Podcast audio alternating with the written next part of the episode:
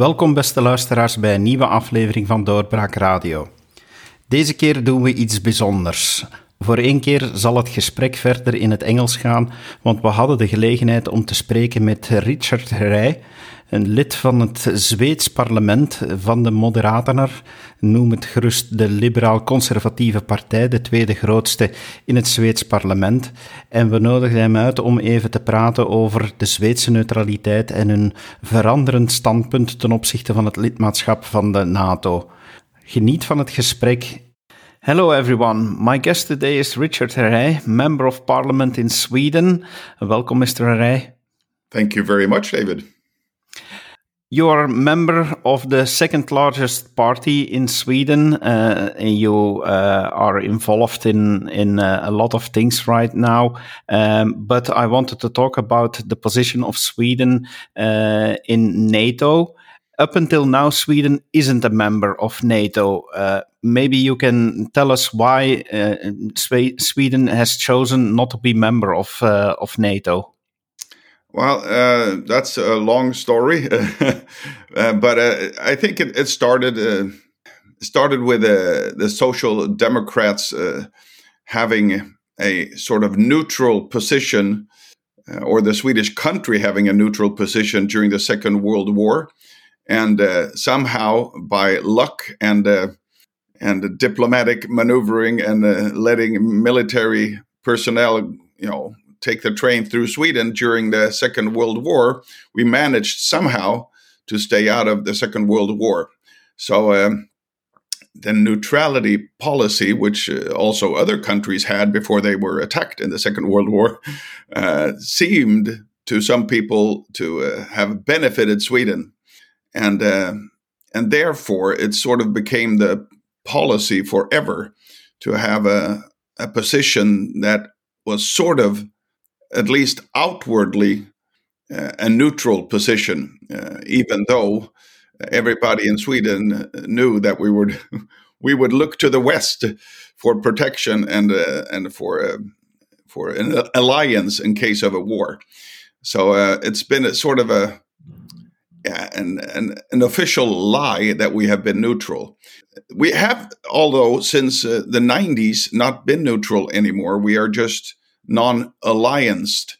Uh, we're not in an alliance, but we have uh, we have we have uh, said farewell to the neutrality policy, and we have signed a lot of agreements uh, and a lot of and a lot of cooperation uh, with the different NATO countries and the Nordic countries. So we are, in essence, almost in NATO, but we're not officially in NATO. So, uh, but uh, why we remain, I think, is just tradition, a political tradition uh, within the the biggest party, the Social Democrats, that uh, it somehow is uh, wrong to be in alliance with the United States. Uh, I think that's the bottom of, bottom line of it, and it just somehow just the fact that we would be in alliance with the United States is is reason enough not to be in NATO. And uh, although we are, by every sense of the word, as close as being in NATO as you can be without being in NATO. Yeah. Uh, uh, the political climate about this topic is changing at this moment. I noticed that uh, there is a lot of discussion uh, going. If uh, when I talk to Swedish people, um, I even have the feeling that that the the, Swede, the Swedish citizens uh, want to change this and, and want to become a member at this moment? Th- that is correct. Uh, there is, uh, I think, there's only around twenty percent that do not want to be in NATO. There is uh, a slight majority for wanting to join, and then there's a big part that don't really know and they don't really want to take a stand. But I think it's only uh, somewhere around twenty percent that say no to NATO today in Sweden. So uh, it is changing radically.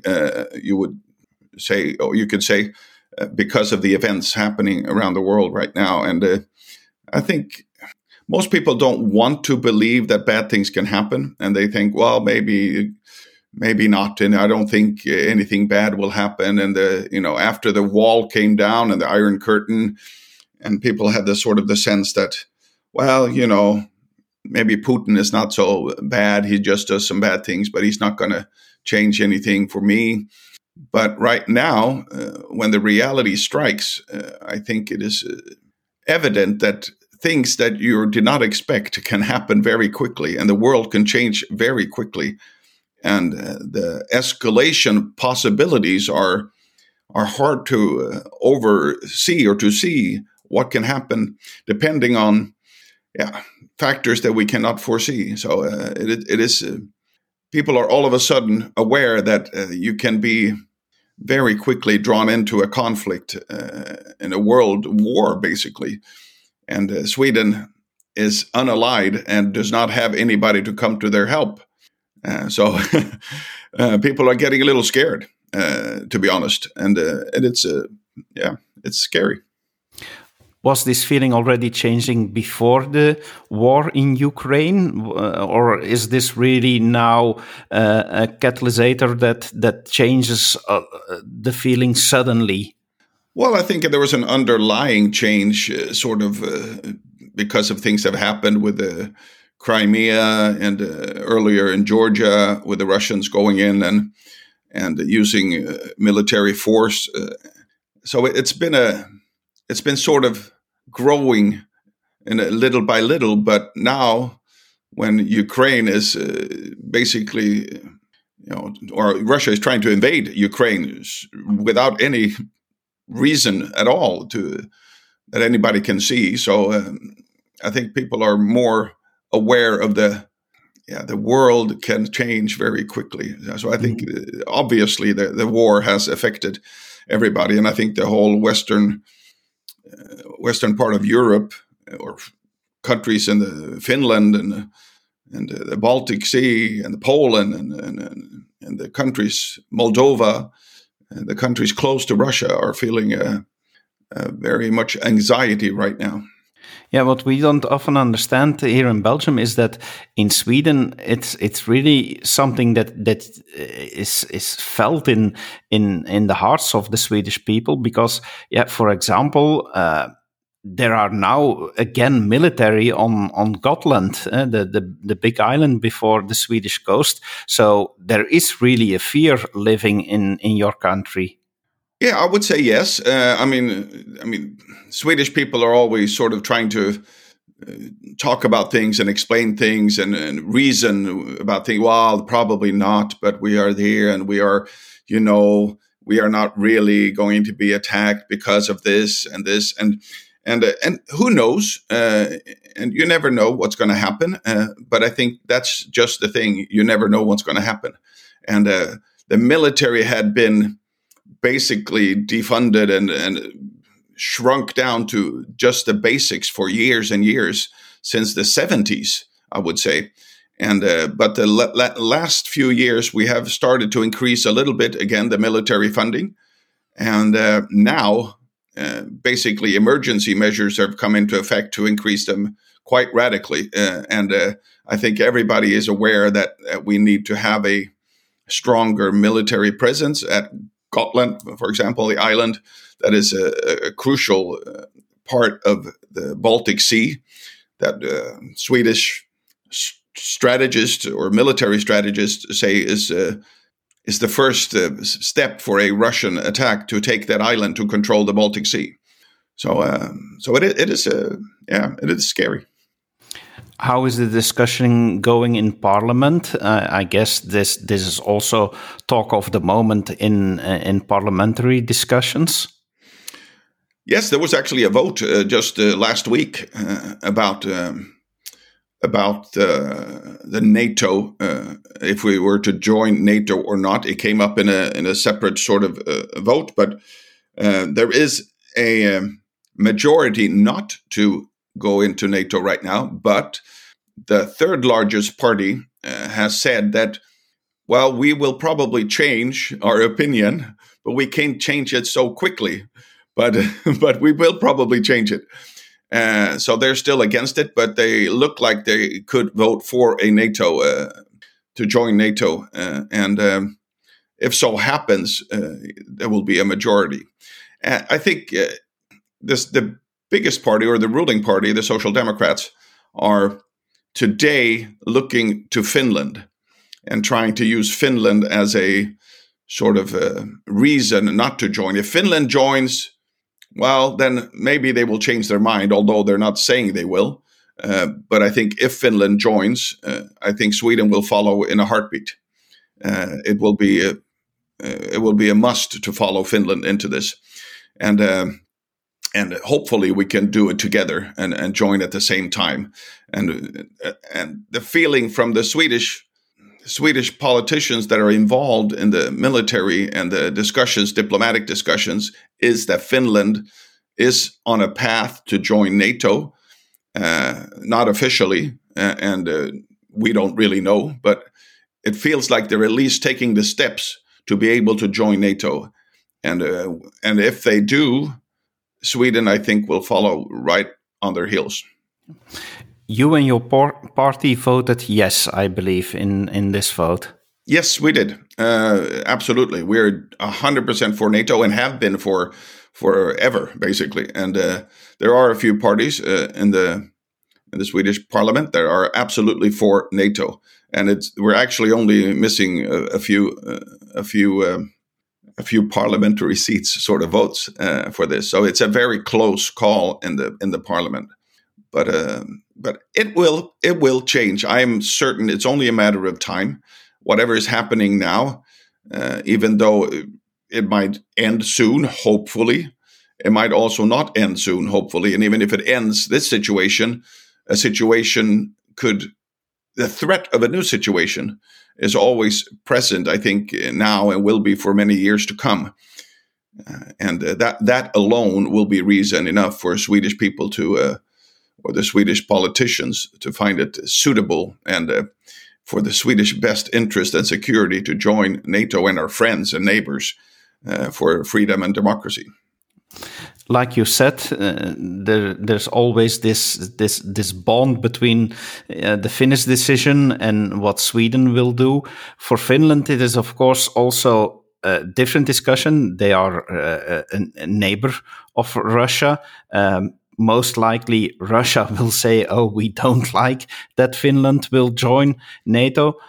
Are you afraid that that Russia will uh, will also react to Sweden uh, when when Sweden gives the signal, okay, we're ready to join NATO? Well, I'm sure they will say something. I'm sure they will not like it. Uh, but uh, I, am not sure they will react in any certain way. I think the the Swedish prime minister made the mistake of saying that a, a, NATO, if Sweden joins NATO, it will destabilize the situation. And she has been criticized widely in Sweden and from uh, other countries, uh, not to say at least Finland, have criticized her for saying that a NATO membership would destabilize the situation. It's not Sweden or Finland that are destabilizing anything. The, Russia has destabilized the situation. And uh, and if we decide to join NATO, is for our own security, and we will do so. Uh, and there is good reason to join NATO today. And when the Baltic states joined NATO, they didn't do so to destabilize any situation. They did so for for security for their own countries and for their own citizens. And uh, this is a responsibility for every, every, government to look to secure their country and secure their uh, citizens. And uh, this Sweden must also do uh, because the current situation is is very uh, volatile and, and could escalate in many different ways. And uh, many different decisions could, of course, affect Russia and Putin to do different things. Uh, but I think that's even more of a reason to join NATO. Uh, that we have a a country that we do not really know what kind of decisions they will make and uh, when or how they will make them. And uh, and Sweden and Finland, for that matter, need to take a, a reasonable decision to secure an alliance with NATO so that we will be more ready if something were to happen. There are elections this year in Sweden. Do you think that this NATO question will be one of the topics that uh, that will play a, role in uh, the the elections? I mean, I, it depends what happens. I think, but it's uh, I think the parties that have always said that we should join NATO uh, have more of a credibility right now. uh, because it's a it's it's a obvious topic uh, and uh, but the governor the government right now the social democrats they of course do not want it to be a a election topic and honestly, I don't want it to be an election topic either. I would prefer that we join tomorrow and then we don't have to talk about it for the election. So, uh, because that's the best for Sweden. Uh, I think the best thing for Sweden is to join. We are practically, for, with every sense of the word, almost in NATO. It will take two minutes basically to for Sweden to join NATO, uh, and uh, we are doing military exercises with them. We have an agreement with NATO. Uh, so everything is in place for us to join, just to put a signature on it and get the approval from the different NATO uh, countries, of course. Talking about the elections, what are uh, polls predicting in Sweden? Will will there be big change this year? Well, uh, the polls are very even, uh, very very even. We have two different parties one on the right side and one on the left side that are uh, in danger of uh, falling out of the parliament and uh, the whatever happens to them will probably affect also the big picture uh, the green party is uh, is uh, way under the the parliamentary sort of 4% line and so is also the liberals so it's a big chance or big risk for them to to fall out from the parliament, and that will also affect the different alliances in the parliament for making a new government or reestablishing the old social democrat government. So uh, it's very close. Although uh, the social democrats, the sitting uh, government, has uh, has seen a surge uh, during this crisis, uh, which is not unusual. that a, a sitting government gets a little bit of a boost when there is a war or when there is a crisis. So it's a little bit normal that that happens. If that effect will hold for another six months to the elections, that's another story. But right now, they have a little bit of a benefit. Uh, they have a new party leader, uh, the first female prime minister for Sweden, and that also gives them a little bit of a boost because she's new.